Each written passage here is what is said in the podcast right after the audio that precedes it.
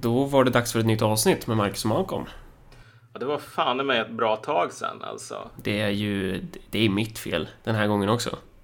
Eh, eller ja, det är Örebropartiets fel, kan man säga.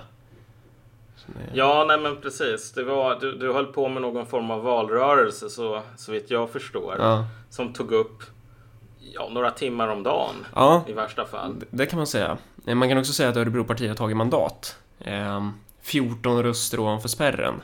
Det känns extremt skönt. Eh, även om man ju inte får glömma bort att man också ska vara väldigt... Eh, alltså det var, ju, det var ju en period där mellan det här med att valet är helt klart och man kan inte liksom kampanja mer. Så man får bara sitta och vänta och så, så eftersom Sverige är ett jävla uland så, nej, speciellt när det gäller val, så fick man ju vänta i typ åtta dagar eller någonting för att få resultatet. Och under de där åtta dagarna, alltså det, det har inte varit en trevlig period för mig. Jävlar vad jag har mått dåligt alltså. Eh, när man har sett liksom Första, det preliminära valresultatet visar att vi är några röster ovanför spärren. Då var vi 39 röster ovanför spärren. Det andra valresultatet visar att vi är eh, fem röster ovanför spärren. Och det tredje och slutgiltiga valresultatet visar att vi är 14 röster ovanför spärren. Eh, så man har ju gått och tänkt eh, inte jätteglada tankar de här dagarna. Nej, nej men precis. Alltså det var ju en jävla väntan det där. Mm. Herregud. Och de där tankarna får man ju inte glömma bort. För det är ju, alltså, det är så jävla populärt när det gäller så här eftervalsdiskussioner att eftervalsdiskussioner har ju alltid typ karaktären av att vara ursäktande och det, de ska vara euforiska och det, även om man har gjort ett pissdåligt val så ska man sitta där och vara skitnöjd typ. Eh, jag har jävligt svårt för det där för jag ser inte riktigt syftet. Eller jo, på ett sätt ser jag syftet men, men eh, i min situation så ser jag inte hur det skulle vara gångbart att, att eh, eller gynnsamt att sitta med den typen av analys. Så jag tycker man ska akta sig från att typ ropa att det här är världens succé och sådär, för det är det verkligen inte. Vi har, vi, har, vi har klarat vårt mål, men vi har gjort det på marginalen och vi har mer eller mindre snubblat över spärren. Och på många håll så har vi liksom, enligt vår plan så har vi, vissa saker har gått exakt så som eh, det var planerat. Andra saker har inte gått exakt så som det var planerat och därför att folk har klantat sig och folk har inte skött sitt jobb. Sen är det väl också så här nu, nu, nu när du säger att man var 14 röster från det totala nederlaget. Det är ju mycket en artefakt av hur ehm, Alltså hur det ser ut på kommunal nivå när det gäller så här, röstsedlar och vilka, vilka saker man har rätt till egentligen. När det gäller riksdagsvalet så är det väl så att om du får en procent då får du hjälp med valsedlarna. Men om du hade hamnat en röst under 3 procent i kommunen då skulle du få nada. Och det är ju också en grej som de införde 2015 tror jag det var. Men det var ju efter valet 2014 i alla fall att då Eh, kom kommunpolitikerna i Örebro kommun på att de skulle införa en 3% spärr. Eh, och spärren i vissa andra kommuner ligger på 2% men då är hela kommunen en valkrets. Men Örebro kommun har två valkretsar och då avser inte eh, procentspärren respektive valkrets. Vilket ju hade gjort det mycket lättare att ta mandat utan procentspärren avser hela kommunen och sen måste man då utöver det ta tillräckligt med röster i någon av valkretsarna för att få mandat då enligt den här gamla proportionalitetsekvationen som sossarna och bondeförbundet tog fram på 50-talet för att hålla små partier ute. Så det är... Ja. det- det- Ja, de har ju ställt upp hinder för oss. Nu har vi kravlat över det här hindret, men det är, det är ju inte med stor marginal alltså. Nej, om vi säger så här. Men om, om den där marginalen hade sett annorlunda ut. Så att det bara var en fråga om någon sorts sliding scale. Så tror jag att man skulle kunna säga att ehm, det hamnade ju på typ 3,0001 procent eller vad det nu var. Eller 3,001. Jag tror det är 3,01 nu, slutgiltiga, Ja. men ja. Men det är ändå så här att om man bara kopplar bort de här rent valtekniska aspekterna så talar vi ju om en, inte en tredubbling, men mellan en tvådubbling och en tredubbling. Så Ja. 240 procent mer röster eller någonting Ja. sådant. Ehm, och det är ju faktiskt ganska bra. Det måste man väl ändå säga. Så nej, jag förstår din aversion. Eh, dels på grund av den personen du är och dels på grund av det läget som man är i. Mot så här, allting var skitbra. Ehm, men det är, det är en blandad kompott, men det finns bra saker i den också. Men hur som helst, det här var alltså anledningen till att du stal massor med Marcus och Malcolm avsnitt från det törstande svenska folket. Som hade en valrörelse att bedriva. Ett litet lokalparti i Örebro. Alltså det är ju så många som bara sitter och skakar på huvudet och bara vad, vad fan håller du på med Marcus? Vad, gör du för något? Det, ja, det är frågan. Ja, nej, men nu är vi väl tillbaks på banan. Och saken är väl den att eh, då känns det ju faktiskt ganska logiskt, givet att det här är anledningen till att vi inte har poddat på ett tag, att Örebropartiet faktiskt blir ämnet för den här podden. Ja, eh, en, precis. Aspekter av Örebropartiet i alla fall. Någon, någon form.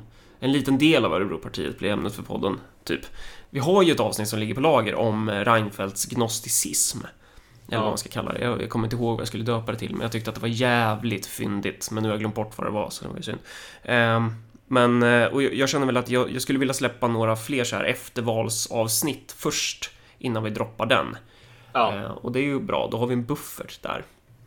Ja men exakt. Jo, det här. Så tanken just nu som vi har diskuterat är väl att nu kommer vi ha det här första avsnittet som just diskuterar lite grann ÖP nu efter efter resultatet är inne och den här helvetesmarschen är över och allting sådant. Och sen efter det så kommer vi väl att diskutera valresultatet. Um, göra någon sorts eftervalsanalys utanför slätten. Mer generellt. Diskutera ja, men liksom vilka läxor man kan dra på eh, riksplan, men kanske mer också på landsting, kommunal nivå. Vilka partier det gick bra för, vilka det gick dåligt för och så här. Stora lärdomar. Så det, det, det är det som är up, up and coming. Men då kan vi ta och röra oss tillbaks till Sveriges huvudstad Örebro. Ja, precis. Eh, och vad finns det att säga här egentligen? Det bästa är väl om du bara ställer frågor, för jag vet inte, jag är så jävla dålig på att bara prata fritt om det här.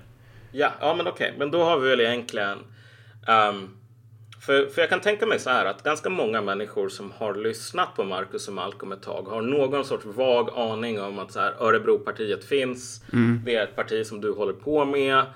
Ehm, I bästa fall så vet man att man har den där jävla svampen-loggan, det här vattentornet. Och att det är raka rör och slut på tjafset. Men, eh, men samtidigt så är det väl ganska diffust skulle jag gissa på what the deal is. Ja. Vad är det här? Och det, det beror ju också på att det, det har ju förändrats över tid. Alltså, jag grundade ju Örebropartiet 2014. Vi, började, vi satte igång med jobbet redan hösten 2013 då när jag blev utkastad från Vänsterpartiet. Eh, och i början så var det väl mer av en så här vänstergruppering, för naturligt nog så var det ju främst, ja det var ju typ Ung Vänster Örebro och lite annat eh, smått och gott personer, men främst, alltså det var ju personer från vänsterkanten som gick ihop och, och, och hjälpte till med det här då. Eh, så det var ju en, det var en vänstergrupp från början. Mm. Eh, och hade väl alla de typ attribut som en vänstergrupp har, mer eller mindre. Och sen så över tid när man så sätter sig ner och bara, men vad fan är det vi håller på med egentligen? Eh, varför gör vi det här? Vad är syftet egentligen?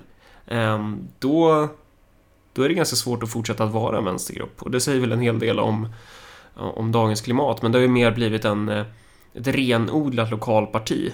Där vi släppt eh, det här viktiga i att sitta och ha renläriga åsikter och rätt typ av eh, inställning till eh, vad det nu kan vara för millinära ideal och allt vad det kan vara. Utan man har väl mer bara fokuserat på, ah, skit i det där, nu kampanjar vi om vägbulor i Mellringe eller eh, stoppa kulturkvarteret. Eh, och då kan man ju fråga sig, hur fan går det ihop? När jag är en uttalad kommunist och marxist och vi sitter här och poddar och vi, vi gör ju avsnitt som som man kanske kan få ett annat intryck av då. Vad ska säga. Men här får jag flika in en sak. Ja. För jag kommer ju faktiskt ihåg den här gamla goda tiden. Efter alla de här problemen, uteslutningarna och så vidare. Det var ju ganska många år sedan nu känns det som. Men då i början så var det ju hela tiden att man skulle försöka anpassa jag menar, om man tänker sig tillbaks till Ung Vänster den tiden. Så hade man ju den här idén om att alltså modellen överlag, typ UV, vänsterpartier är ju på något plan korrekt. Men alltså att det är massor med idioter och högeravvikare som sitter i toppen. Det är den här, den här gamla Stockholmsbunkern och allt vad det där var. Och sen när man hamnar utanför då hamnar man ju i sällskap med de här människorna som tyckte att ja, men Vänsterpartiet är för höger och du vet sådär.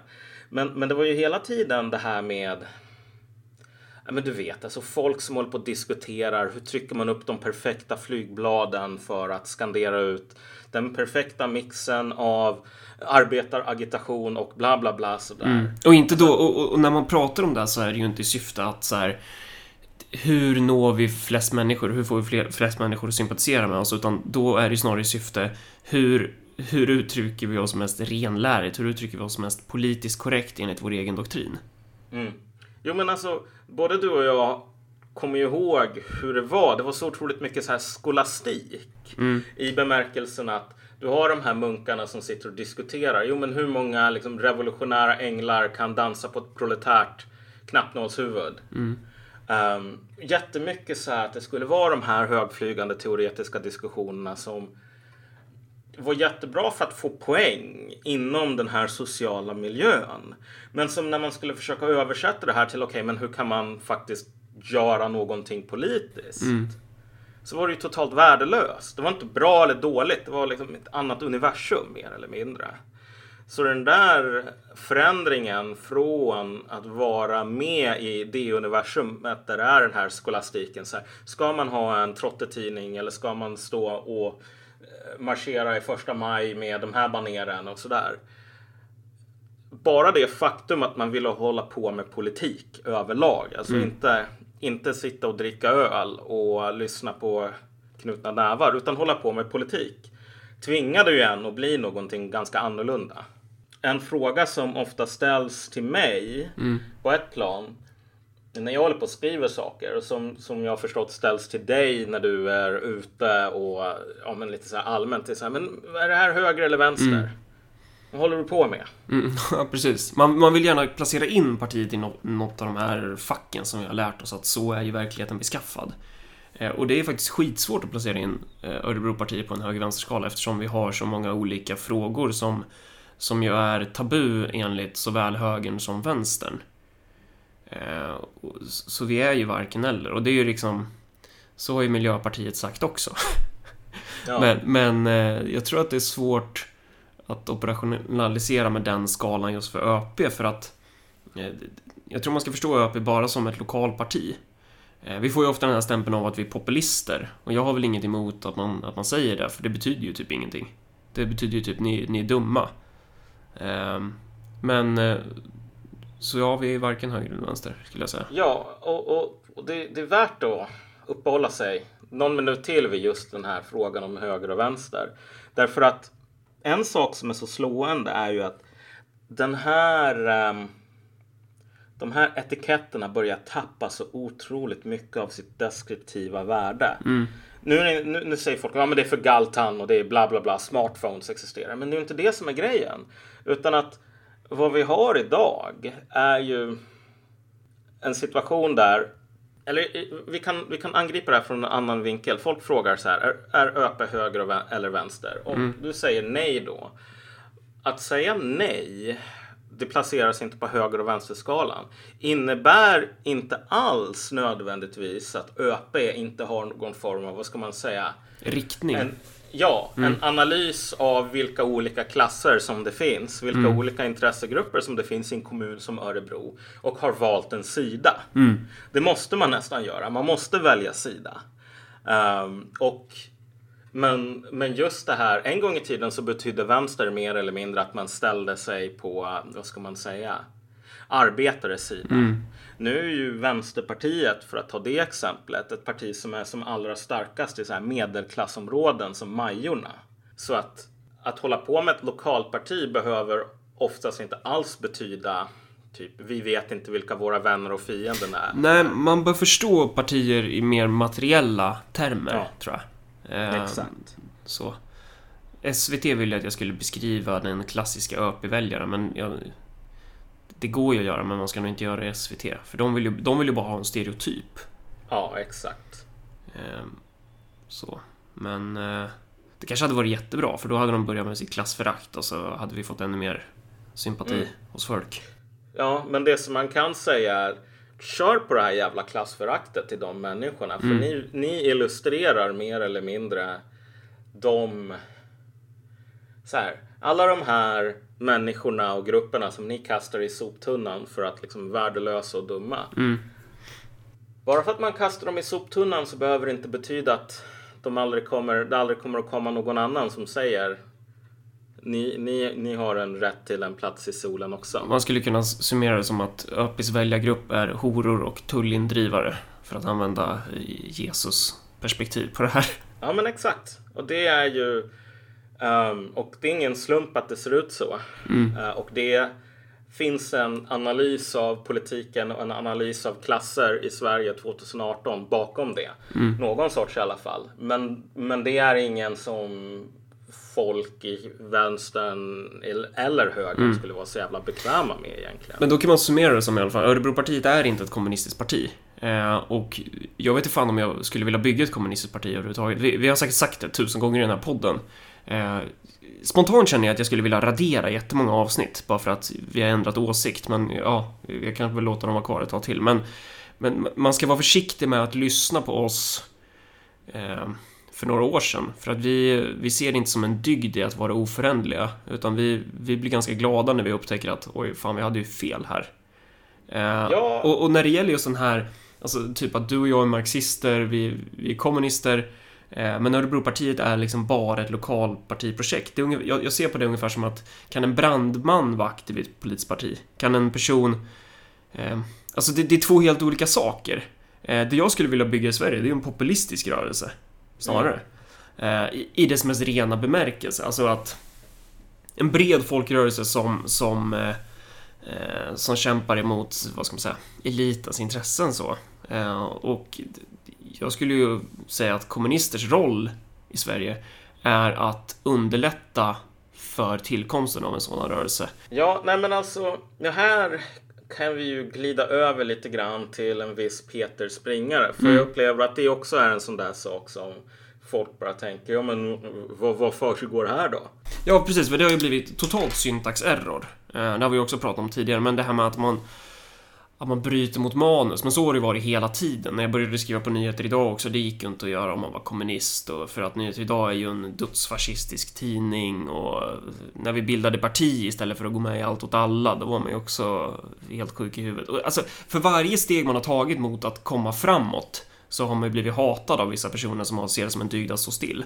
Men när det gäller springare så, ja, han, han har ju framats i media som en jävla rasse typ. Och när jag träffade honom så fick jag intrycket av att fan, han är ju skitvettig. Eh, och han hade väldigt mycket intressanta saker att säga, speciellt om hur, hur, hur våldsmonopol i Sverige fungerar. Och det där Mm. borde man vara jävligt intresserad av om, om man är intresserad av att nå resultat. Eh, så syftet var ju i första hand att, att få mer kunskap.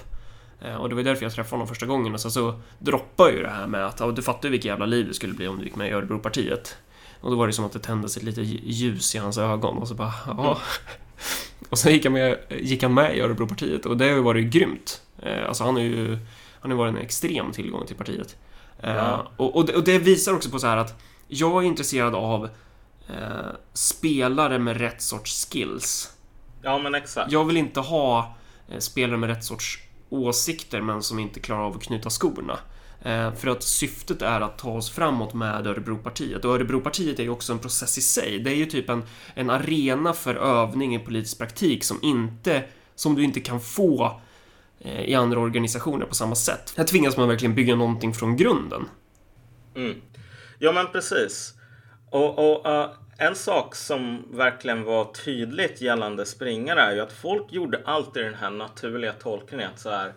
Det här är ett sånt jävla statement om du vet hur många änglar man faktiskt tycker kan dansa på det här knapphuvudet. Alltså att det att ha med någon som springare var verkligen att bekänna färg i, i, i någon abstrakt så här, höger, vänster, materialism, bla bla bla, så bemärkelse. Men, men, men det är ju inte så politiken funkar. Nej, och, och det, det, det är inte helt... Det finns ingen konsensus bland våra motståndare i det här. Utan ena dagen så är vi vänsterextrema. Ja. Eh, och, och andra dagen så är vi totala rasister. Ja. Eh, och den, den bästa analysen kommer från han den där jävla idioten Segerfält. Han som... Han som du vet Fredrik Segerfeldt tror jag han heter. Han, han heter faktiskt Karim.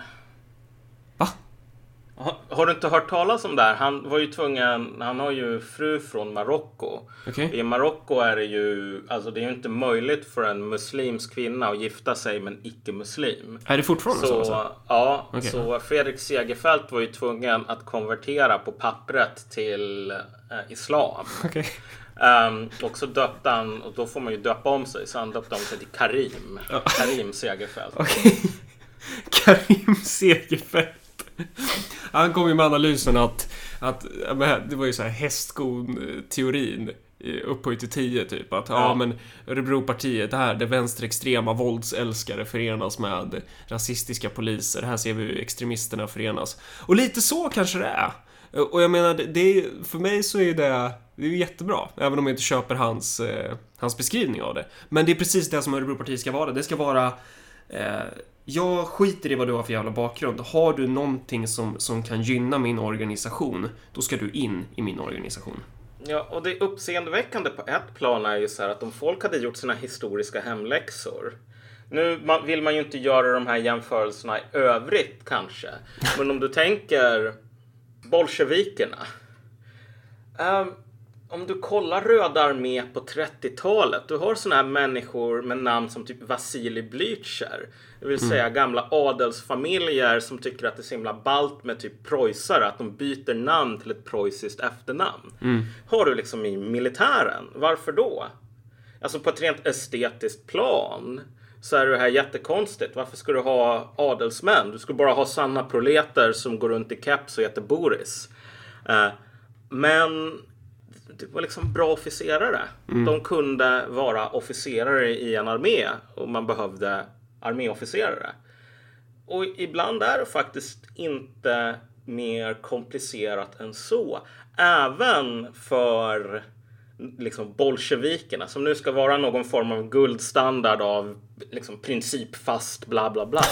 Okej, okay. men Eh, någon sådan skulle inte ha tackat nej till någon som Peter Springer om Peter Springer var användbar. Mm. Men det är, att, det är, också det här, vi, vi, vad klumpas Örebropartiet ihop med? För, mm. för, andra typer av organisationer. Jag, jag, vill inte ha någonting att göra med de här små socialistpartierna i olika kommuner. Mm. Jag, jag, ser ingen som helst... Eh, det, det, jag är inte släkt med dem liksom. Nej, jag, nej, men... Vi är mer... Alltså vi vill ju hellre klumpas ihop och det här ser jag inte som ett svar till dig med den här bolsjevik-metaforen, för jag tycker det är helt korrekt. Att så här, man, man, ska titta på människor för vad de kan, vad de kan mm. bidra med. Eh, inte för vad, vad de heter eller vad de har för bakgrund eller så. Men jag ville bara få det sagt också, att ÖP ja, ja, är liksom ett, ett renodlat lokalparti. Så. Ja, exakt. Men alltså det här understryker varför en, en, annan aspekt på något plan i varför man inte vill bli ihopbuntat med de här små partierna. Därför att det som man har hört från de här små partierna, det är bara, ah, men ni är inte riktiga, liksom, du trodde ni var riktiga leninister, bla bla bla, men ni är inte riktiga leninister som vi är. Men så här, även utifrån den politiska världsbilden mm så är ju, har ju, de gör ju inte sitt jobb. Det här, är ju, det här är ju sektmänniskor på ett sätt som de människorna som de säger sig efterlikna aldrig skulle tolerera. Nu har man väl inga pretensioner om att vara de nya bolsjevikerna så. Men just så här. Det är någonting ganska tragiskt i att, äh, vad ska man säga, att när den här kritiken kommer så här från människor som inte ens har gjort sina liksom kan leva upp till sina egna ideal mm. på så sätt. Om du förstår vad jag är ute efter? Ja, jag förstår precis vad du är ute efter. Och jag, ja, jag vet inte. Ja, men vi, man, det, det gäller in, inte av så här ideologiska skäl eller för att typ någon tidigare gjorde så här. Men, men bara för att politiken funkar inte annars. Men det gäller mm. verkligen att kunna se till men vart vill du komma och hur tar du dig dit? Och om du börjar eh, sortera människor efter så här rena estetiska skäl, ja. typ. Alltså då kommer du ingen vart. Och grejen är att det, man kan ha en diskussion kring vad är estetiska skäl och inte. Eh, att Peter skrev om eh, att invandrare är överrepresenterade inom grova brott. Mm. det kan ju tolkas som att, okej, okay, men Peter gömmer SS-uniformen på vinden. Eller så kan det tolkas som att ja, invandrare är överrepresenterade inom grova brott och här har vi en polis som berättar om det och som därtill eh, hintar en del om att polisens organisation inte riktigt fungerar som den borde. Mm. Att, att man, man, kan se det på så olika sätt. Mm. Men om man hugger på första bästa liksom, synvilla, bara, ah, det här är rasism. Ja, det är klart att man, man kommer få jättesvårt att få ihop det när då personer som kanske har en bakgrund av att vara ganska antirasistiska av sig, ja. man ska säga, teamar ihop med Peter då. Att det, ja. blir, det blir så svårt att få ihop det. Men, men fan, vi ska inte eh, snöa nej, in oss på nej, den. Nej, eh, men, att, men, ja. jag, vill bara, jag vill bara tillägga en avslutande sak här. Att ja. Jag tror att en annan grej som folk, när de reagerar så här med ryggmärgen reflexmässigt, så är, finns det ju en sån här en, en, misstanke som faktiskt är ganska befogad om att alltså Peter Springare, du kunde ju, det var ju omöjligt så att du tog fram typ Marcus lilla röda liksom 1111 teser mm. som man måste skriva under på. Och så stod han där och bara svor in liksom, evig trohet till liksom, den eh, socialistiska historiematerialismen och mm. bla bla bla så här. Och liksom då tror jag att folk bara tänker, men, men, men, men hur kan man ha med någon som, som inte gått igenom den processen av att svära sin trohet till alla dessa shibbolets? Mm det är ju jävligt konstigt att inte ha det kravet. Att inte ha den här röda Precis. boken, katekesen och så vidare som alla måste svära evig tro till.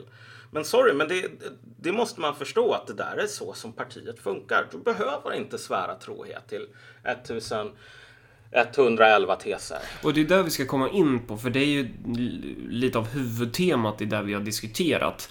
Så här, det finns jättemycket i det här valresultatet och i valrörelse, valrörelsen och kring Örebropartiet som jag ska eh, bryta ut, eh, analysera, skriva ner eh, i syfte att kunna sprida till eh, ja, lite kompisar runt om i, i landet kanske.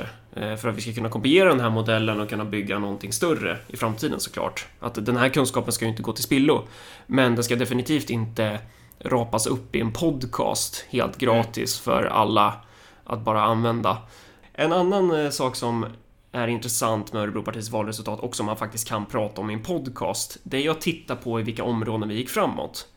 Eh, och här hade jag ju ett antagande innan valrörelsen i att vi skulle markera en viss typ av områden, alltså punktmarkera dem med en viss typ av kampanjteknik. Eh, nu låter jag jätteavancerad. Det vill säga, vi kör lite extra flygbladsutdelningar och vi knackar dörr i de här områdena. Och det är områden där jag skulle säga att det bor klassisk svensk arbetarklass eh, som ideologiskt skulle kunna beskrivas som, eh, om vi ska använda den här galtan höger-vänster, som vänstertann. Vilket på ren svenska betyder då gråsossar ungefär.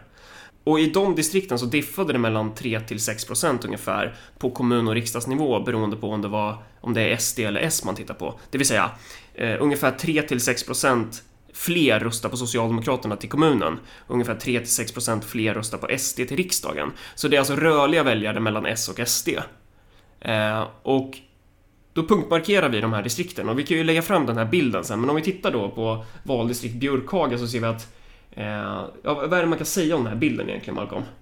SD har, vi kan, vi kan, till att börja med kan vi titta på den här val till kommunfullmäktige, där, där backar S med, jag vet inte exakt hur många procentenheter det är, men de backar i alla fall. Eh, och sen så ökar SD till riksdagen. Så SD får 13,64% till riksdagen. Eh, och, men de får bara 7,93% till kommunen. Ja, och det är ju en ganska stor vad ska man säga, ganska stort tapp för S. Ja, vad, vad, blir, vad blir liksom 14 minus eh, 8? Ja, men det blir 6. Och det är också så mycket procent som ÖP går fram med. Eh, liknande ja, mönster men... kan man se liksom här i i eh, Tysslinge Garphyttan. Eh, sossarna backar på riksdagen, ökar ungefär lika mycket med... Eh, SD ökar ungefär lika mycket som sossarna backar på riksdagen då. Eh, på riksdagsnivån. Så SD får ungefär 20,32 procent står det där. Eh, på kommunnivå så backar eh, sossarna ungefär ja, 5-6 procent. SD ökar 1 procent, ÖP ökar 5,60 procent. Eh, ja. Och, och, och det, samma mönster går liksom igen på alla de här distrikten. Ja men exakt. Alltså så här SD gjorde ett kommunval under förväntan kan man väl säga i Örebro. Under deras egen förväntan. Och det är så här. Men sossarna tappade ja. mycket i nästan alla distrikt. Så, så, de här väljarna röstar typ på ÖP till kommunen eh, och så röstar de på SD till riksdagen, men de har tidigare röstat på sossarna. Eh, vi, vi, vi, kan, alltså så här, let me spell it out for you. Det är arbetarklass. Det är vad det handlar om. Exakt. Det är typ... För jag menar, de flesta andra partier har stått still. MP har inte gjort det. Men jag, om jag får komma med en sjuk galen teori så skulle jag nog säga att MP tappar till typ C och N. Ja, men kolla på de övriga partierna, för det är ju intressant om man tittar på sådana här grafer. Eh, I alla fall om man är lite marxistiskt skadad. Eh, För det man ser, det är ju klass. Eh, Att Ja. C har skitlite, MP har skitlite, V har skitlite. Ja, men vad säger det om distriktet? Ja, men det, det är inte ett distrikt där det bor en massa individer som sniffar sina egna ekologiska fjärtar. Eh, Det, det är liksom, det är inte ett medelklassdominerat område på det sättet, utan, utan det här är, det, det är en stabil del i demografins bas. Ja. Nej men alltså, och det här är ju, jag börjar ju fan nästan gråta när jag såg den här bilden. Liksom. Det, det, det är typ, man vill skriva ut den och rama in den. Vi har ju pratat i Marcus och Malcolm och liksom du och jag ganska lång tid om att så här, jag har haft den här galna teorin egentligen om att du kan fucking ta väljare från SD och från S. Hela den här grejen med folk som säger ja men vet du vad? Det är eh, folk som går över till SD det är för att de är dumma i huvudet och liksom det går inte att bota dem. Det är, det är cancer liksom. Det är inte riktig arbetaressens. Uh, eh, de människorna hade fel var väl den här idén. Och sen så i ÖP så var det ju så att du helt enkelt riktade in på de här områdena där det bor jävligt mycket arbetarklass. Där, där S har typ 40 procent eller 50. Uh, punktmarkera dem. Om det verkligen var så att ehm, jag menar, det här är ju, det här är ju ett resultat som är över förväntningarna. Så här, som, som, som man bara satt och drömde om egentligen. Ja, alltså det är ju helt enligt planen. Eh, och Ja. det är det som är så sjukt att helt plötsligt så bara, det klickar. SD har nästan stått still. Ja, på kommunnivå ja. Ja, på kommunnivå. Alltså annars har de ju Ja, växt. de har ökat som fan på riksdagen då, för då tar de från S. Ja. Men, Och jag har ju en teori här, eller jag, man kan ha flera teorier kring det här, men eh, om, om man ska återgå till den här jävla galtan höger-vänster, jag är inte så stort fan av den, men någonting som är intressant är att det är fyra rutor. Eh, men det är bara en ruta som inte har något parti i sig. Och jag skulle Ja. mena på att om man skulle göra en sån här temperaturkarta typ, där det är liksom eh, mörkare färg där det är varmast, då kommer det vara varmast i vänster tann, för det är där som majoriteten av svenska befolkningen befinner sig. exakt, exakt. Och, och vi är i det här landet, det, det finns liksom, vad, ska man säga, en, en, en folkideologi eh, som, som ligger där någonstans, skulle jag säga, majoriteten då. Eh, och vilka partier är närmast där? Jo, men V är ganska nära, för de, de ligger ju liksom uppe i gall, eh, ner mot... eh, nej, det blir fel att säga. Så S och SD är ju närmast. Och sen så är Ja. ju V typ... Ja, de är inte jättelångt därifrån, men de, är- ändå så är de ju där. Eh, men men det, det, det, det, saknas någonting där. Det saknas någonting i den där rutan. Det finns ett, ett sjukt stort manöverutrymme där. Eh, Exakt. och vad, vad betyder det? Betyder det att man ska bygga ett vänsterparti för att man säger att det är vänstertann? Just av den anledningen som jag inte vill använda mig av det här begreppet. För grejen är att om man ska bygga ett vänsterparti då, alltså titta på typ så här vänstern. De, de skulle aldrig göra det här för att uh, Ska de göra det här så måste de bryta mot sitt Prime Directive som vi har tjatat om tidigare. Ja. Då kan de inte vara vänster längre. Här- Ja men här är grejen. Alltså Vänsterpartiet har gått fram lite grann i två av de här distrikten på riksdagsnivå. Men de har ju stått helt still. Helt jävla still. På kommun, kommunnivå. Och det här var ju verkligen, du vet, vänstern, Vänsterpartiet var de stora segrarna i det här valet. Kunde man läsa i Aftonbladet. De stora segrarna, bla bla bla. Så här. ÖP är ju jämnstora i de här distrikten skiljer sig några, eh, förutom i ett där vi har 8 procent, ÖP har 6. Men jämnstora. Tänk vilket jävla parti ÖP är. Det är en snubbe med eh, lite andra så här inhyrda legoknäckta från Hessen. Eh, en valbudget som är typ en tiondel av vad AFS la på att beställa valsedlar. Ja, vi är lite fler än en snubbe i alla fall, men, men jag förstår poängen. Ja. Det är väl, vi är väldigt Jo, men- få liksom, och det har legat mycket jobb på mig, så är det absolut. Jo men alltså, men, men bara förstå hur extremt liksom Ja, ja. litet, patetiskt ÖP är i bemärkelsen så här resurser. Och det här partiet blir jämnstort med V. Ja, men det, det är inte så... In... det är inte så konstigt. Nej, Nej, det är fascinerande. det är också- det, alltså det, framgången här är just att vi har plockat S och SD-väljare på det här sättet. Ja, ja. Men, men, men anledningen till att jag jämför med V är ju för att det har ju länge varit den här, vi har ju länge hållit på och hamrat på den här poängen mer eller mindre. Att så här, sorry, det här är inte vägen framåt. Jag menar, vill man få med sig den så kallade arbetarklassen i Sverige. Den som folk i V säger att de bryr sig om. De som vänstern ska hålla på och prata om. Alltså sorry, ni gör, you're doing it wrong. Och jag menar, jäm, Och skulle de försöka vad- göra rätt så kommer de inte vara Vänsterpartiet längre. Ja, men tänk dig vilket jävla... Om det här är resultatet med den enormt underlägsna strukturen som ÖP har jämfört med ett fucking riksdagsparti som får massor med partistöd.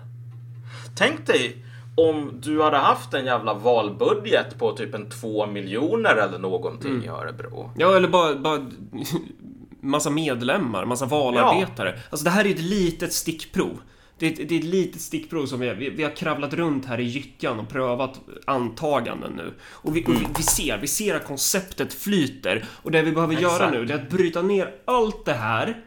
Alla de här metoderna, all, allt det vi har lärt oss, behöver vi bryta ner som vid ett kong. Och bara för Ja. att kunna lära andra människor så vi kan sprida det här konceptet. Syftet är Ja, ju inte att bygga liksom ett, ett vänsterparti, utan syftet är att bygga, mm, vad ska man säga, folksjälens parti. Ja, men, men nu är det väl så här att ehm, som sagt, utan mer, mer detaljerade ehm, undersökningar som verkligen visar på ja, men, vad röstade du på i förra valet? Rösta på ÖP. Så är det ju, det är ju fortfarande teorier som vi laborerar med, men det är svårt att se vart, vart de här rösterna skulle komma anna- annanstans ifrån. Det skulle ju kunna vara så att typ eh, alla som lämnar MP och alla som lämnar M går över till ÖP. Men kom igen. Ehm, Alltså vi drar ju väljare från M också, men det kanske är i vissa områden. Vi drar ju väljare från Ja. alla partier, men, men här ser vi ju, det här är ju så tydligt mönster i just de här områdena. Helt enligt den planen. Men eh, en till grej som kan vara värt att tillägga är ju, som jag var inne på med, när det gäller det här med att det inte finns något parti i den här vänster tandrutan. Eh, Vi borde översätta det här i materiella termer någon gång, vad det här. Men, men hur som helst, det många säger som, som man pratar med. Jag har kanske haft ja, x antal tusentals samtal med eh, diverse närkingar. De flesta säger ju att de ska rösta på SD fast de, de inte gillar SD. De, de, de känner att så här, men det finns inget parti som, så här, SD är minst sämst. Det vill säga, Ja. de står närmast. Eh, och vissa tycker ju att, ja men jag lägger ju rösten på sossarna i alla fall för det finns ju ändå inget alternativ. Men Ja. det, så här, det, det finns enorm potential att bara käka deras staplar. Ja, och det, alla har ju hållit på och bara slitit sitt hår som de jävla matadorerna i Tjuren Ferdinand. Bra. Hur kan vi få, hur kan vi stoppa SD? Hur kan vi stoppa SD? Omöjligt, du vet, det svenska folket, de är helt galna. Det är, det, de är nazister hela bunten. Jag menar, här har du fucking... Fast, fast grejen är att det, det går inte att köra det argumentet för de som säger så, de kommer tycka att Örebropartiet är nazister också. Att vi Ja, ja, okej. och vi, vi Visst, förespråkar... visst, Och jag visst. menar, vi håller ju med Fine. Sverigedemokraterna i vä- väldigt mycket när det gäller invandringspolitik, när det gäller assimilering och allt sånt där. Eh, Så att, så att, men, men eh, det kanske inte är det som är den poängen du försöker göra i och för sig. Nej, nej, alltså jag vet. Jag, jag hade tänkt att komma till den själv. Ja, okej. Okej, du, du behöver inte lyssna på någonting som jag just sa om du är av den åsikten om att du vet ehm, Peter Springare är egentligen Heinrich Himmler. Och typ ehm, det, det är det vi är bara brunskjortorna till svartskjortorna så här. Ja, okej, fine. Men, men ändå, alltså det här visar ju på den stora svagheten som SD har kunnat tapetsera över. Visst, man kan dra på för stora växlar från det här. Men alltså just att det här valresultatet ser ut som det gör. Alltså SD har ju det stora problemet att de är det partiet som i någon bemärkelse är mest tann. Men så här den gamla vänster, höger konflikten, den lever fucking ännu och den kommer alltid att fortsätta leva. Ja, och det här har vi ju pratat om, eller har vi gjort det i podden? Eller jag vet inte om vi har, eller om vi har pratat, ah, skitsamma. Eh, att, svensk välfärdsstat, det finns ju en växelverkan mellan den och, och vår ideologi. Mm. Eh, att, att vi är ju fostrade i en socialdemokratisk anda.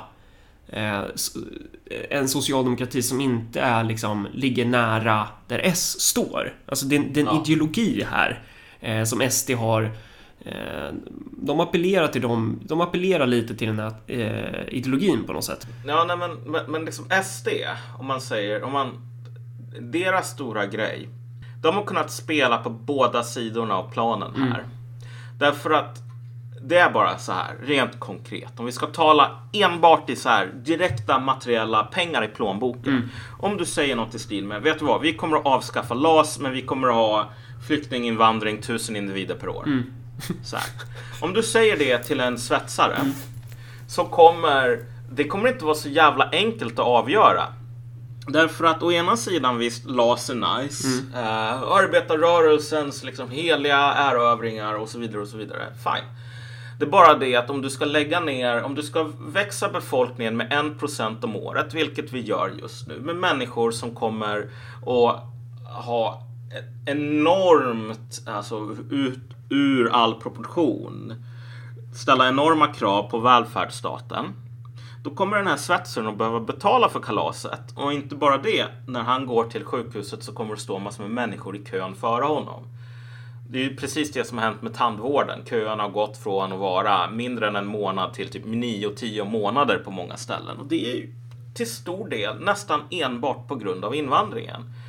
Så, här. så att även om du bara rent så här superfräckt säger uh, jag är bästis med svenskt näringsliv och jag kommer att göra allt de säger men jag kommer också skära ner på invandringen.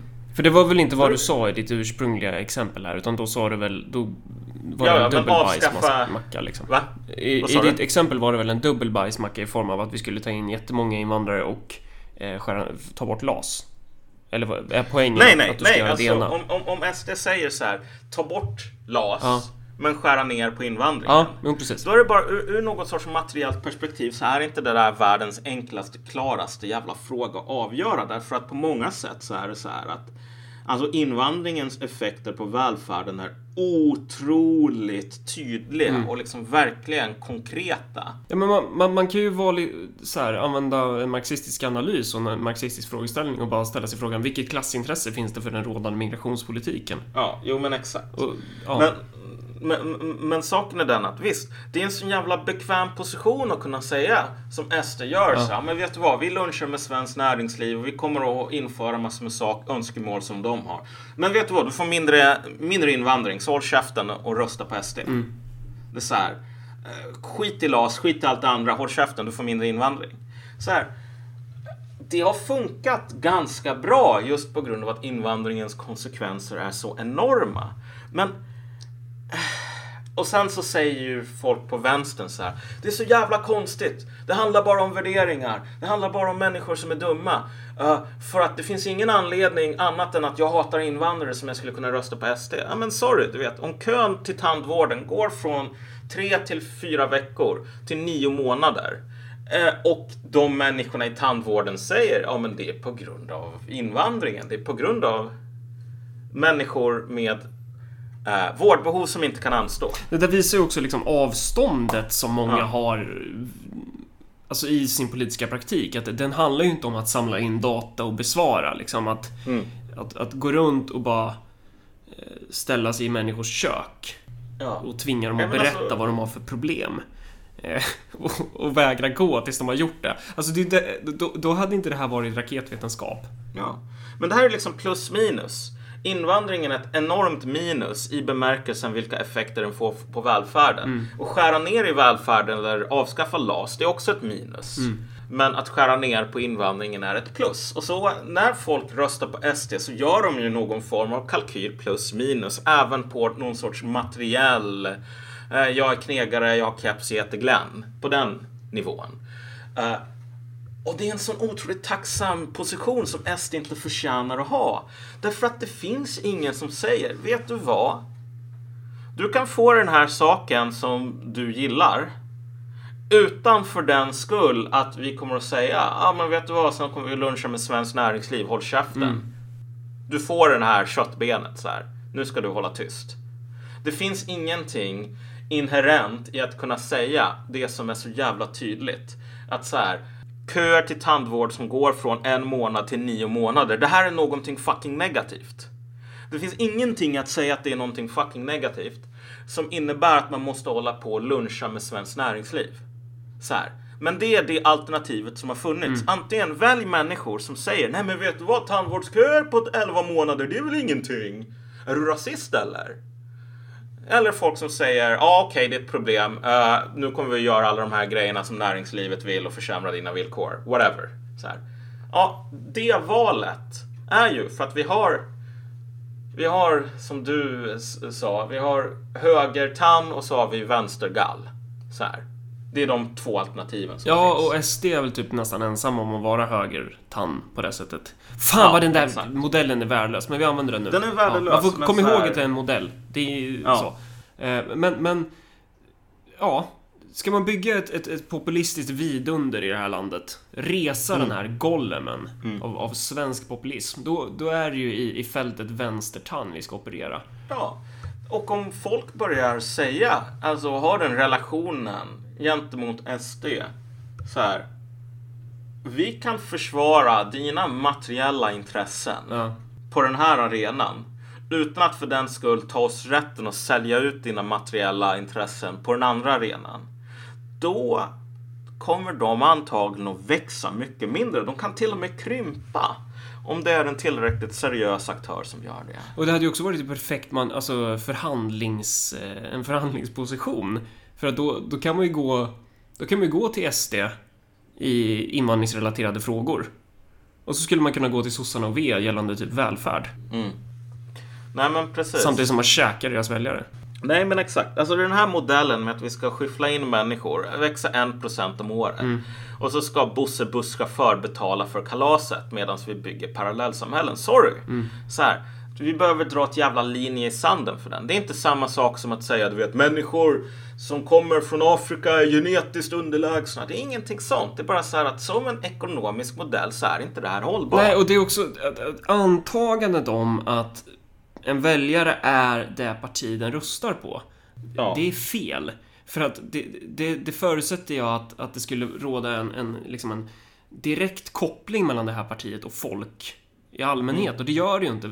Politikerskiktet har svävat iväg. Det, det, betyder ju då att det kommer finnas en större skillnad i väljares eh, ideologi och i partiers ideologi. Det här ni ja, hör exakt. nu, det är populism för övrigt, det jag pratar om. Ja. ja. så.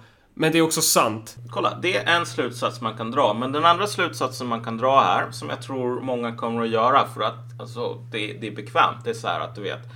Du, du är bara en nazist. Uh, det här visar bara på att det finns nazister som gillar vaniljglass och så finns det nazister som gillar chokladglass. Mm. Uh, allting går skitbra, du vet. Revolutionen kommer snart kamrater. Och jag hoppas de människorna verkligen fortsätter tänka så. så här, allt är bra, fortsätt som vanligt. Mm. Men för oss galna nazister. Det här är så jävla... Det, det, det, det är vackra staplar. Det, det, det, det är en bild, det här är poesi på något plan. Mm. Vet du vad Kenneth Nilsson, kommunstyrelsens ordförande, sa om Örebropartiet när vi hade kommit in? Nej. Det här är populism. ja, ta mig fan om det inte är det. Alltså. Men, men vi, vi, kan, vi kan lämna just det här och så kan vi gå över till... Fast innan, jag, in, innan ja. vi går över till det här med social rating, så man kan väl summera valrörelsen som att vi hade vissa antaganden. Eh, mm. Och de var i, i stort eh, korrekta. De visade sig vara korrekta. Eh, sen det vi har fallerat på, det är de här praktiska delarna i själva utförandet. Mm. Men konceptet är, det flyter. Men, men jag tänkte bara säga så här. Um, innan vi går över till någon sån här ny teoretisk diskussion som jag vet mm. är på väg.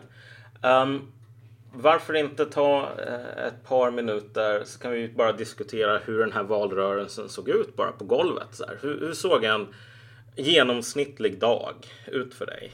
Eh, ja, det beror på vilken del av sommaren vi är i. Men, men det var ju jobb hela tiden såklart. Eh, och tyvärr är vi ju, vi är ju jättefå i Örebropartiet och det ligger skitmycket jobb på mig. Och det är ju ett av våra största problem, att det ligger jättemycket jobb på mig. Eh, så att, men, men i, i, valspurten så var det, då gick man ju upp runt 6-7 och sen så köpte man ju till 12-1 någon gång. Eh, så man blev ju... Man blev ju jävligt trött i slutet. Eh, och vissa körde ju all in och de slet ju ut sig också och det, ju, det ska de ju ha en eloge för. Och vissa tyckte att, nej, palla. Eh, så att, jag vet, inte, jag vet inte vad jag ska säga. Om man ska ta något exempel. Samma dag som politikerna ska höja sina löner, då upptäcker vi att jaha, det är en avloppsläcka i lokalen. Så det var, det var alltid den här typen av timing. Och så var det ju mm. alltid mm. jättevarmt också. Eh, vilket ja, gjorde allting mycket värre. Eh, så att det var... Det kanske skulle kunna ha blivit en väldigt bra eh, reality-serie.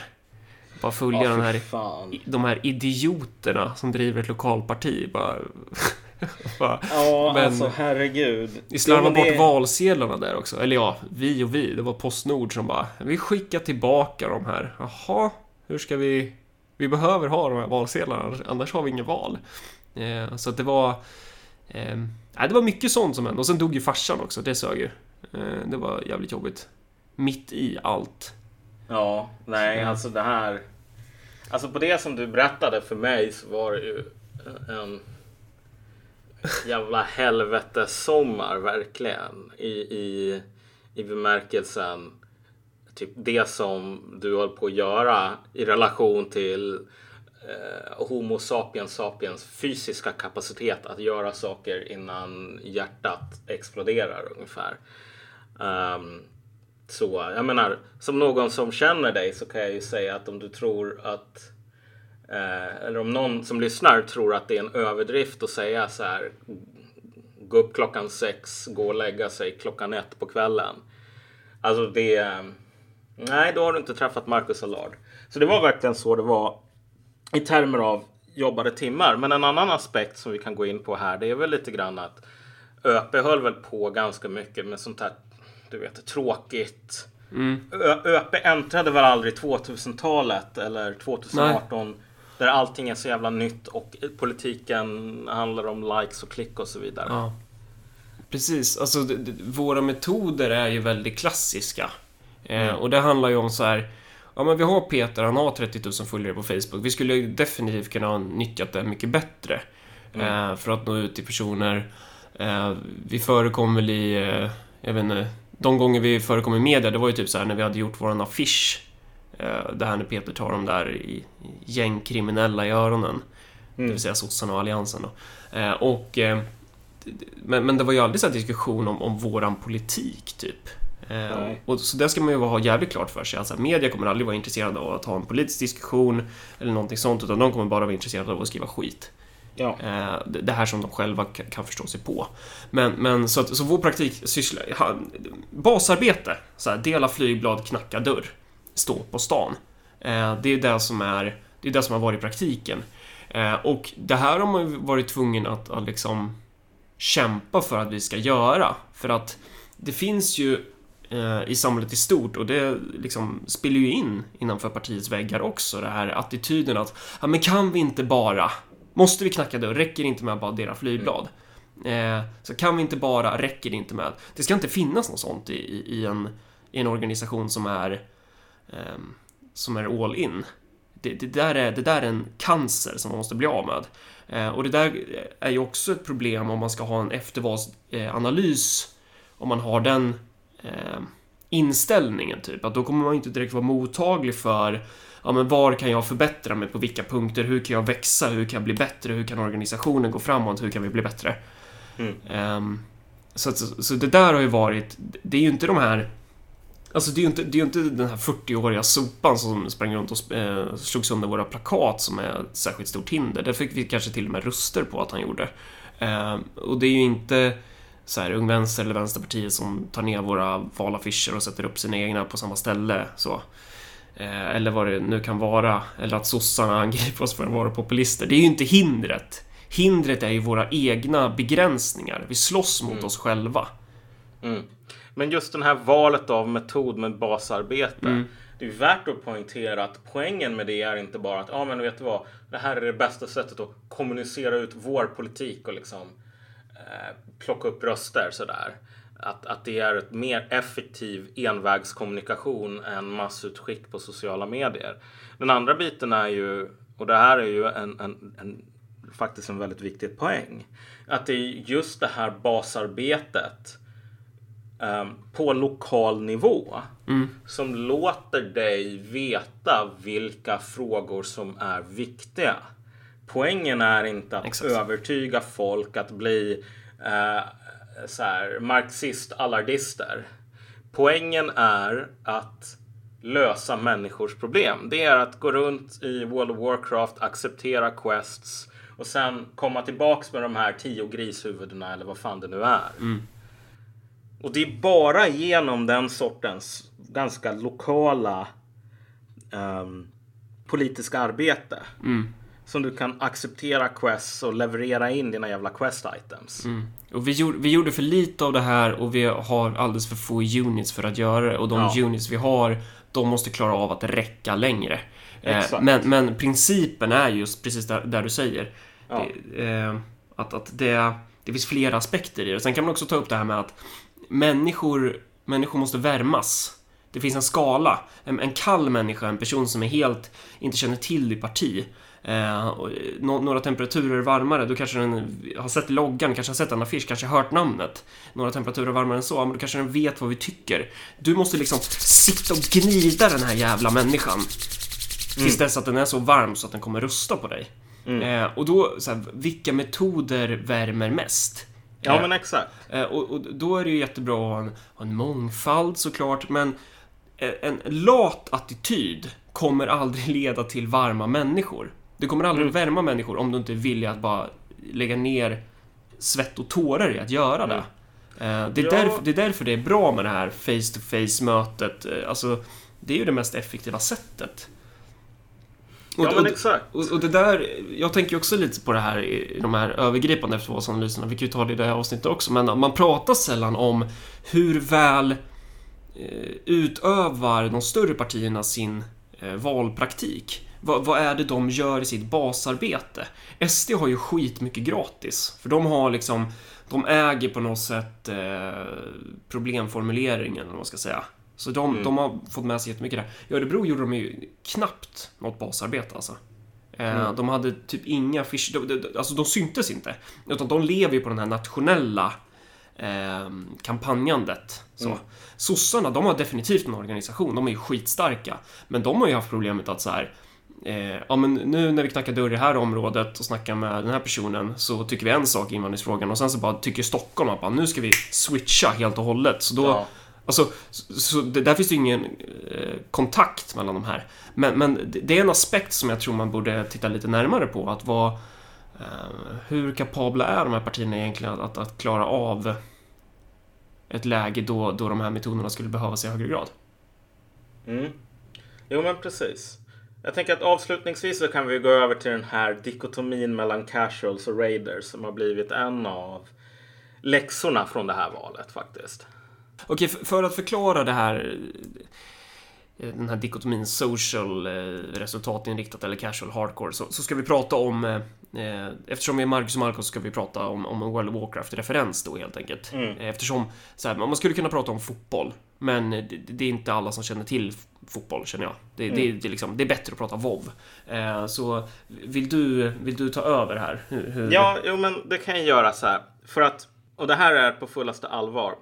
En, eh, en av läxorna som, som drogs av det här valet var ju att ehm, vill man bygga ett lokalt parti eller vill man bygga någon sån här parti överlag så finns det vissa läxor från, från just hur man organiserar en grupp i World of Warcraft till exempel som faktiskt är ganska användbara.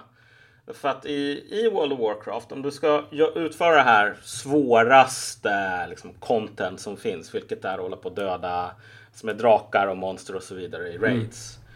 Mm. Um, du behöver 10 till 10 pers plus avbytare upp till 25 pers plus avbytare. Alla måste vara online samtidigt. Man måste lägga ner en fyra timmar åt gången kanske. Och eh, när man håller på och spelar så är det så att alla har ett jobb som man måste komma överens om i, liksom innan. Mm. Och det här jobbet kan skifta. Det kan vara ganska komplext många gånger. Det är massor med olika funktioner, underfunktioner som man ska utföra.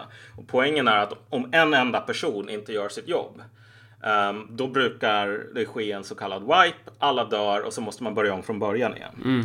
Så att det här är en ganska komplicerad social maskin. Och det där är ju bara en aspekt av WoW. Det ja. finns ju mycket saker man kan göra i spelet. Ja. Eh, och, och, folk som spelar mer casual, så som jag har gjort ja. nu efter valet här. Eh, och folk undrar vad, vad håller du på med, du som inte brukar vara så här. Eh, är ju att man kan logga in bara för att göra något som kanske de här hardcore-spelarna, de här mer seriösa spelarna tycker är jättekonstigt. Eh, så här, Helt onödigt för att social-spelare eller casual-spelare, de, de är ju bara inne för att det är kul. Det är kul med WoW i sig. Oavsett vad man gör i spelet. Men ja.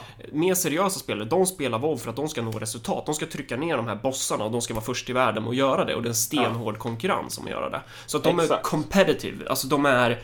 Eh, de är resultatorienterade och de, de hatar de här oseriösa fittnoobsen som står i vägen för att de ska kunna eh, lyckas med sina mål.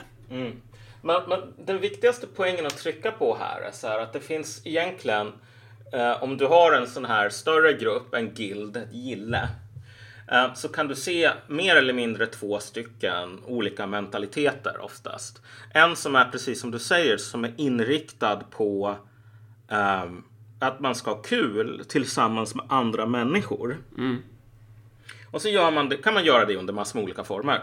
Och sen en annan grupp som är inriktad på att man ska nå resultat inom en ja. viss begränsad aktivitet som kräver en ganska komplex social organisering. Det, och de har kanske kul då Ja. Eh, kanske, då, då har de kul varannan vecka när de lyckas ta ner den här bossen. Och, ja, och det... ja nej, men alltså det kan vara skitkul. Ja. Men, men, men att ha roligt är inte nödvändigtvis poängen. Man nej. kan inte säga men vi har roligt så därför så spelar det ingen roll att typ, vi inte når resultaten.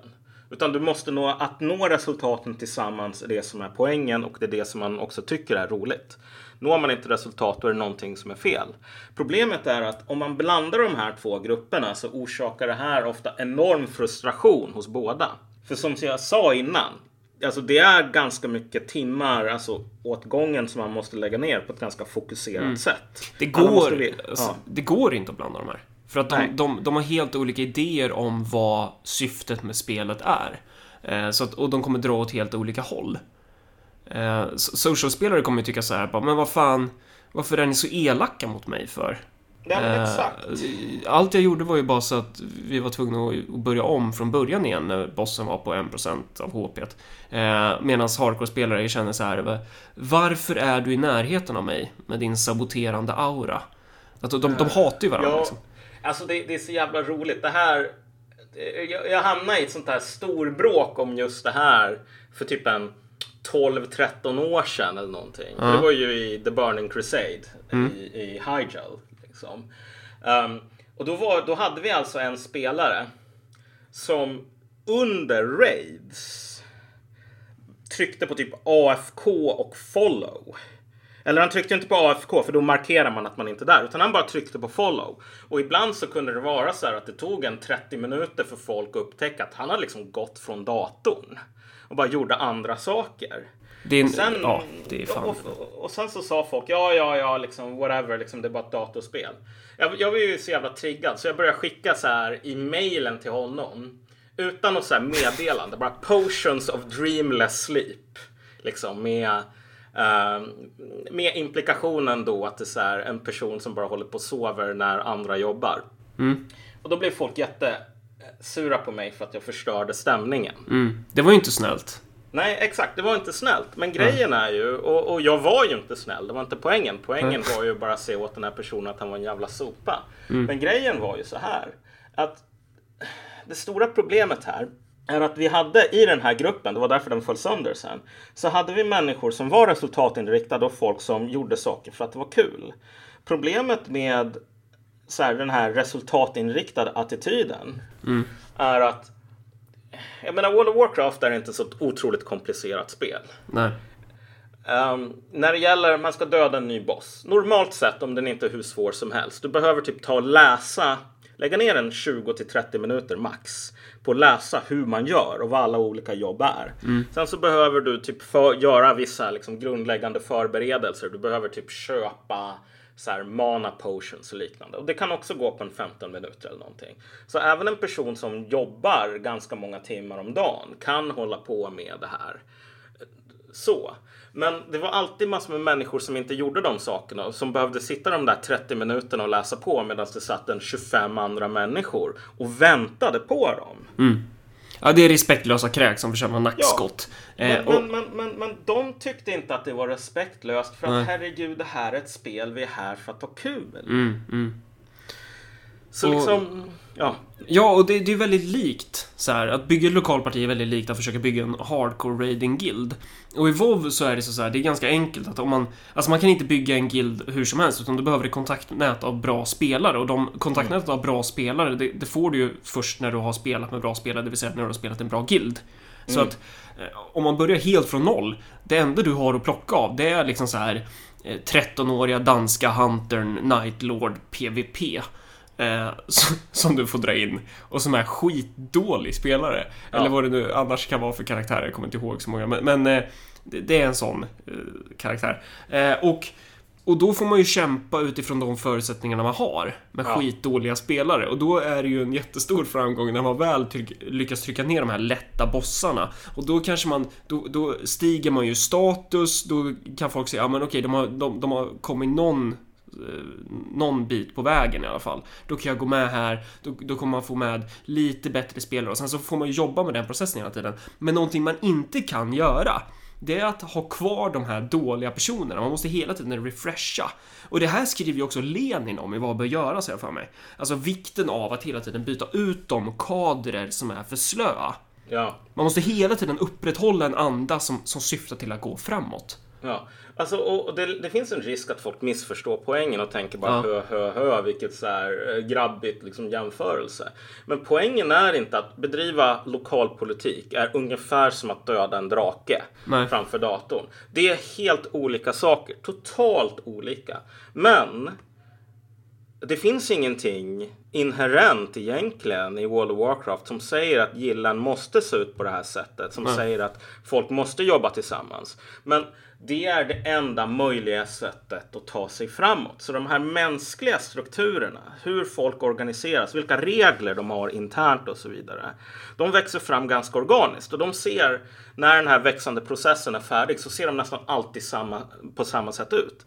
Därför att att bygga en mänsklig struktur, en social struktur, det, det liksom ha sina egna regler.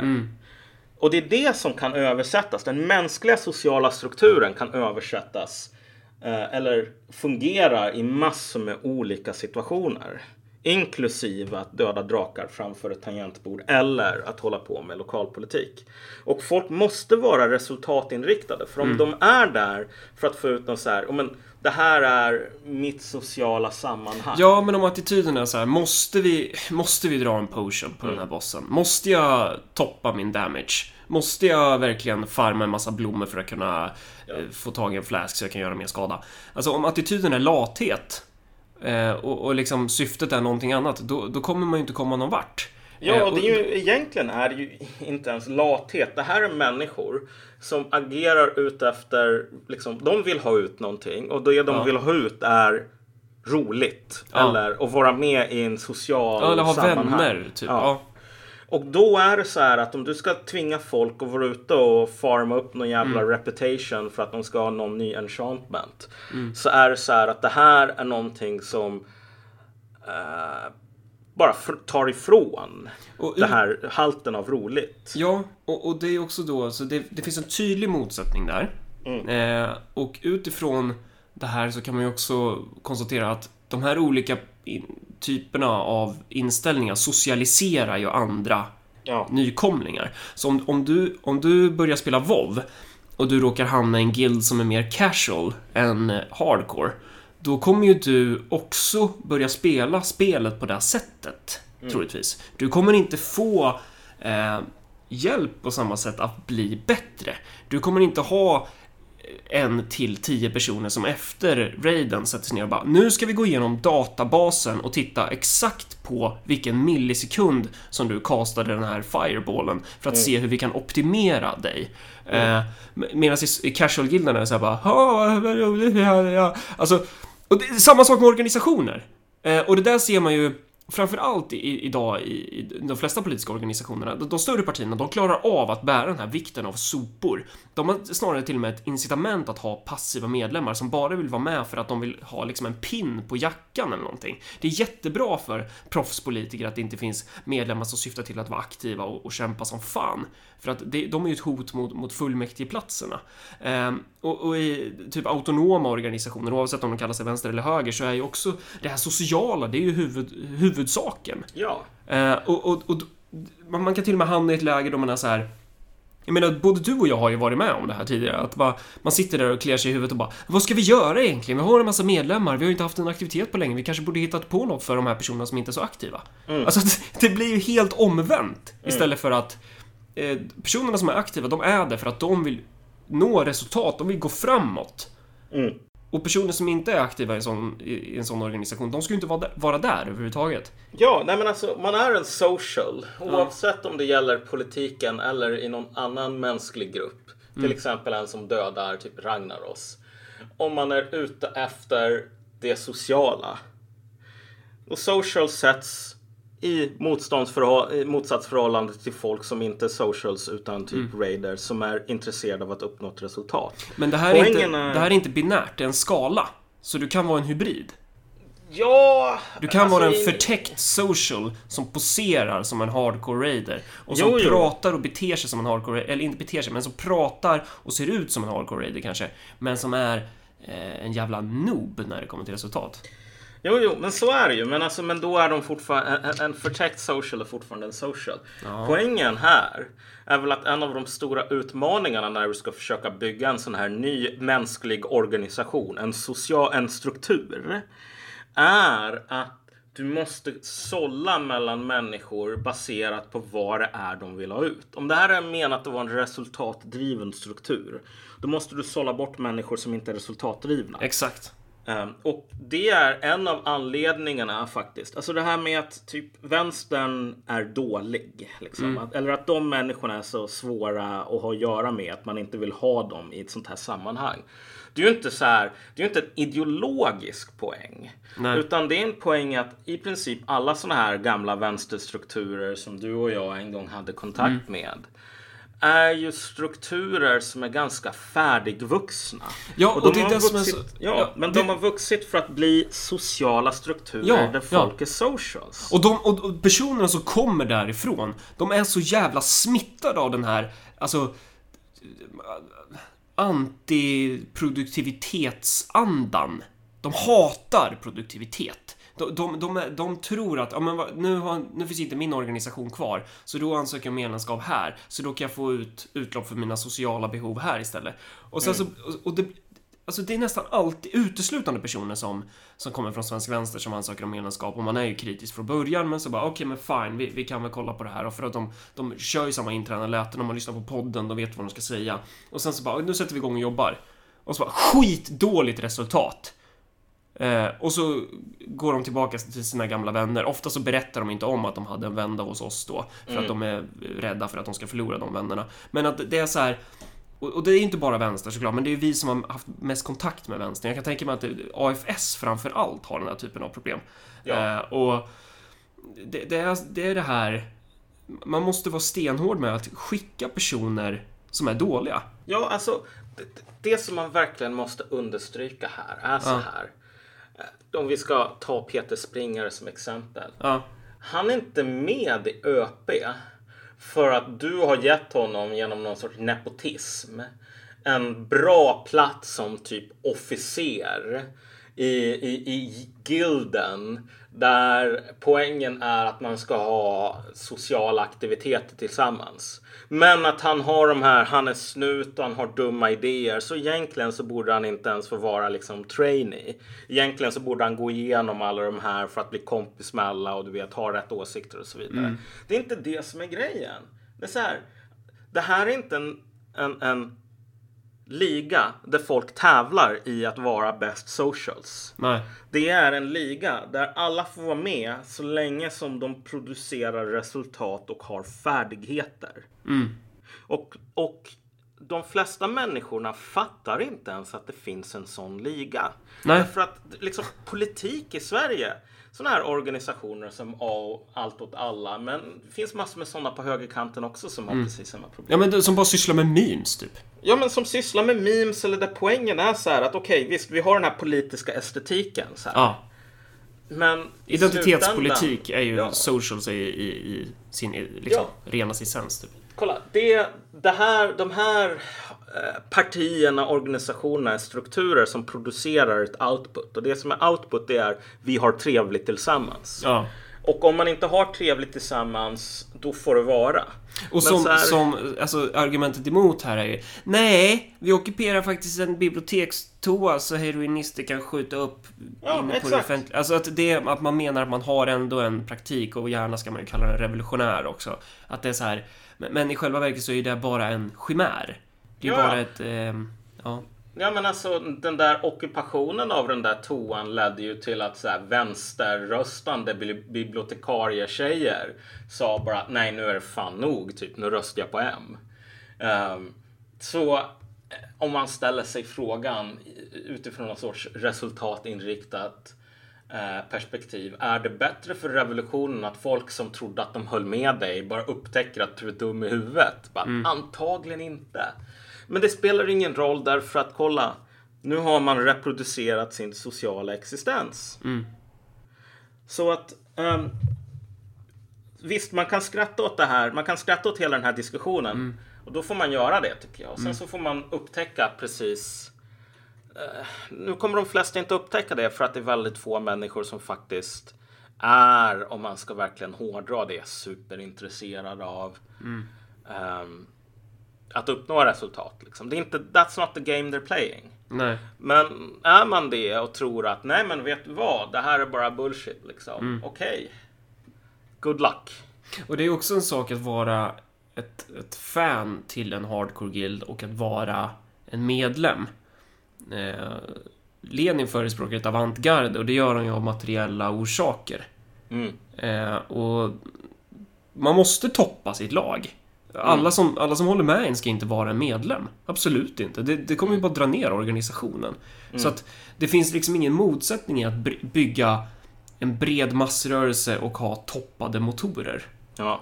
Det är också en viktig poäng just när det gäller den här valrörelsen. Så här, personer som säger en sak innan man går in i en jävla svettsommar med avloppsläckor, borttappade valsedlar och bara tabbe på tabbe, hinder på hinder på hinder. Personerna som säger en viss sak Eh, man kan inte lita på dem. Man, man, man, kan bara lita på personer som gör en viss sak. Det är liksom mm. i praktiken som man kan pröva de här. Det är det som är min poäng. Det är därför Örebropartiet är... Det finns ännu ett existensberättigande för organisationer för att det är ett sätt att pröva människor. Så. Exakt. Jag menar... Du kan, du kan inte pröva en människa på en ölkväll. Du kan inte pröva en människa på en studiecirkel. Ja, nej men precis. Den här... Den här um, en av de stora sakerna här med just Eh, och det här är en riktig jävla lärdom som faktiskt är jävligt viktig. Men, men nu under den här sommaren så har det som du hållit på med varit lite grann som du skulle starta upp den där World of Warcraft-gilden. Liksom att det är så jävla många människor som måste sorteras bort. Um, och att sortera bort och sortera rätt är grundläggande politisk praktik. Det är inte en fråga om så här, idealism. Det är inte en fråga om hö-hö snubbar som tycker allt är som ett dataspel, bla bla bla. Så här, utan så här, att kunna bygga en social organisation, en mänsklig struktur som kan producera resultat. är ingenting som man får gratis. Nej. Utan det är jävligt mycket trial and error och det är ganska mycket svett, blod och tårar och eh, folk som blir sura. Men det måste vara så. Och du kan inte komma någon vart om du inte går igenom den processen. Så det här är väl lite kommentarer kring eh, utan att gå in på detaljer så. Eh, och det här tror jag är någonting som alla liksom, ideella organisationer brottas med. Och ja, se det som ett perspektiv till diskussionen om hur man bygger en parti, ett parti. Ja, men det är, det är också allt det som vi har pratat om nu, den här socials versus hardcore och så vidare. Den nivån som man bara kan förbättra den egna organisationen genom så här gå igenom framgångar, motgångar, vad funkar, vad funkar inte, vilka gick att bygga på, vilka gjorde det inte. Den enda nivån som det här funkar på, som du har en bra lead time, är den lokala nivån. Um, det är också en anledning till varf- varför så här, lokalpartier, varför man har den idén om att det är här man börjar. För att som sagt, en bra fungerande partiorganisation är inte en fråga om att läsa en bok. Det är inte en fråga om att typ läsa Lenin och bara papegoja lite grejer som man har hört. För vi har träffat ganska många människor som är så jävla stolta över vilka fina leninister de är. Men så här, vad de glömmer är att den DAO som kan skrivas ner är inte den riktiga DAO. Att den här sortens Ehm, även det som är bra som man kan läsa i någon jävla bok för hundra år sedan. Är saker som, som bara är bra tips för människor som gör grejer. Och det är ju, och därför är det de här oglamorösa, tråkiga, liksom icke-coola, icke marxist-leninistiska, icke, jag vet inte vad, demokratisk, centralist, bla bla bla, bullshit. Det är den sortens organisationer som man bygger för att man kan faktiskt implementera de här gamla råden från hundra år sedan på ett sätt som funkar. Du måste göra grejer. Du måste vara där ute i Sven, 50 år, i hans jävla kök med din, din jävla lapp och sitta och prata med honom. Och sen gå från dörr till dörr. Det är så som du hugger bort allt den här jävla, eller smälter bort all drossen. Så, ja, nej. Varför är det här relevant då? Är det relevant för att vi ska sitta och skryta om liksom, att vi har över vi klarar 3% spärren i Örebro kommun? Nej, det är ju relevant för att om man ska översätta det här på större partier. Eh, alltså, om vi går in i ett läge av ekonomisk kris och det blir hårdare i Sverige och partierna måste... Det blir liksom mer upp till bevis för dem. De kommer inte klara sig på de här stora centrala kampanjerna hur länge som helst. Nej, I ett precis. utnötningskrig, då är det den som klarar sig längst som vinner. Exakt. Och det är den som Eh. har min, minst overhead liksom. Den som har mest slimmad organisation och minst jävla ehm, dö, dött jävla fläsk. Och ÖP är inte... Alltså jag blir så irriterad på folk som typ vill hävda att jag... Visst, vi kanske, vi kanske är skyldiga till det, att vi slår oss på bröstet ibland. Men när det gäller liksom vår organisation så, får, så blir folk snarare sura på att jag inte sugarcoatar den mer. Ja. Eh, Så här, ja men vi ligger efter, vi ligger efter stort. Mm. Det enda vi har är att vi, vi har lite så här skisser, vi har testat lite antaganden, vi har, vi, har, vi har testat lite i praktiken, vi vet vad som funkar, vi vet vad som inte funkar. Nu handlar det om att gå tillbaka till ritbordet, så här, kolla av vilka av de här metoderna kan vi bryta ner? Hur, hur kan vi systematisera det här i syfte att sprida de här metoderna och till, till rätt typ av personer? Eh, hur, hur kan vi bygga organisationen starkare? ja, så det kan vi säga som liksom början på den här serien av eftervalsanalyser. Ja, Vad gäller ÖP. Det positiva är väl, om man ska ta något sånt här historiskt exempel. Vad är bäst? Så här, bygga jättestora bombplan eller bygga så här stuka liksom sådana som håller på och spränger pansarvagnar och liknande. Jag menar, eh, vi, vi valde någonting här. Vi valde det sistnämnda alternativet. Och sen så byggde man ett sånt här plan där typ propellen faller av eh, 50% av gångerna man försöker lyfta med planet och så här. Eh, motorn är för svag och vingarna är liksom för breda och typ funkar inte. Så här. idén är bra, men utförandet, det är så jävla långt kvar att gå. Mm. Men det är ändå någonting liksom. Det är Och det här, det, nu när du är inne på det, här, idén är bra men utförandet är långt på väg att gå. Vi kommer ihåg vad Aron Etzler för Vänsterpartiet sa i sin eftervalsanalys efter 2014. Eh, operationen var perfekt men patienten blev inte frisk. Alltså det, det summerar ju så fint hur en organisation som bärs upp av socials Ja. Eh, alltså man måste hela tiden ha en ursäktande eftervalsanalys. Man måste hela tiden så här, fast man typ har blivit utrotad och man är sämst och det går skitdåligt så ska man ändå komma där och bara Ja fast bra jobbat hörni, nu tar vi en öl på det här och firar väl utfört arbete. Eh, ja okej, du hällde bajsvatten över alla valsedlar och du eldade nästan upp lokalen och du är en idiot av andra orsaker. Så här, Men det, vi är ett team hörni. Det är bra jobbat. Nej men alltså, som sagt. Det... Jo, nej, den där, det behovet är ju en annan grej. Ja. Helt. Här handlar det ju i slutändan om att okej, så här, när man går tillbaks till ritbordet igen. Ska man börja rita något helt annorlunda, kommer det att producera bättre resultat? Eller är anledningen till att saker och ting inte funkade att man ritade rätt sak men man var för dålig? Ja. I det här fallet så är det rätt sak men för dålig snarare än bra men fel sak. Så. så det är ju. Det finns en del partier som har precis motsatta problemet. Och vi kommer att komma in på det mm, inom kort nästa avsnitt eller nästa Ja. ställe när det blir. När det nu blir. Och nu handlar det om eh, för mig här att sitta, sitta de här fyra åren och försöka toppa mig själv lite. I Mm. termer av att lära mig allt det jag kan lära mig utifrån en plats i ett kommunfullmäktige. Mm. Eh, Så det är trevligt. Vi kommer att få partistöd till partiet också. Ja, Mm. nej men precis. Då kommer vi få en... eh, Vi kommer få dubbla valrörelsebudgeten för 2018 per år. De, de pengarna ska vi använda väl. Ja, jo, Ja. precis. Uh, vi kommer att se alla de här bilderna på dig från uh, när du äter tillsammans med Maduro på den här lyxrestaurangen i partiet. Det är, det, det är dit partitkassan kommer att gå. Det är du och springare och Maduro som sitter där och röker kubanska cigarrer. Uh, ja, eller det får vi se liksom. Ja. Men, men, ja, men det, det, det är mycket som ska göras nu. Kan man väl säga så här framöver. Men, men, men, men det har ändå varit. Det, det, jag kan säga som din vän att jag är glad att det här är över. För så att du inte. Om det här hade fortsatt i någon månad till den här jävla valrörelsen så skulle du antagligen ha fått en hjärtinfarkt. Ja. Men nu är det, Det går klart. aldrig. Nej, det går aldrig. Nu är vi klara. Vad... Ska vi säga något mer? Nej. eh, Nej. Nej. Bara... Nej men det är kul att vara tillbaks på banan. Och nu, Ja. nu som sagt så. Från och med nu så kommer det vara mitt fel och inte Marcus fel om det inte blir några avsnitt. Ja. Det låter Ja. bra. Ja. Ha det bra. Hej!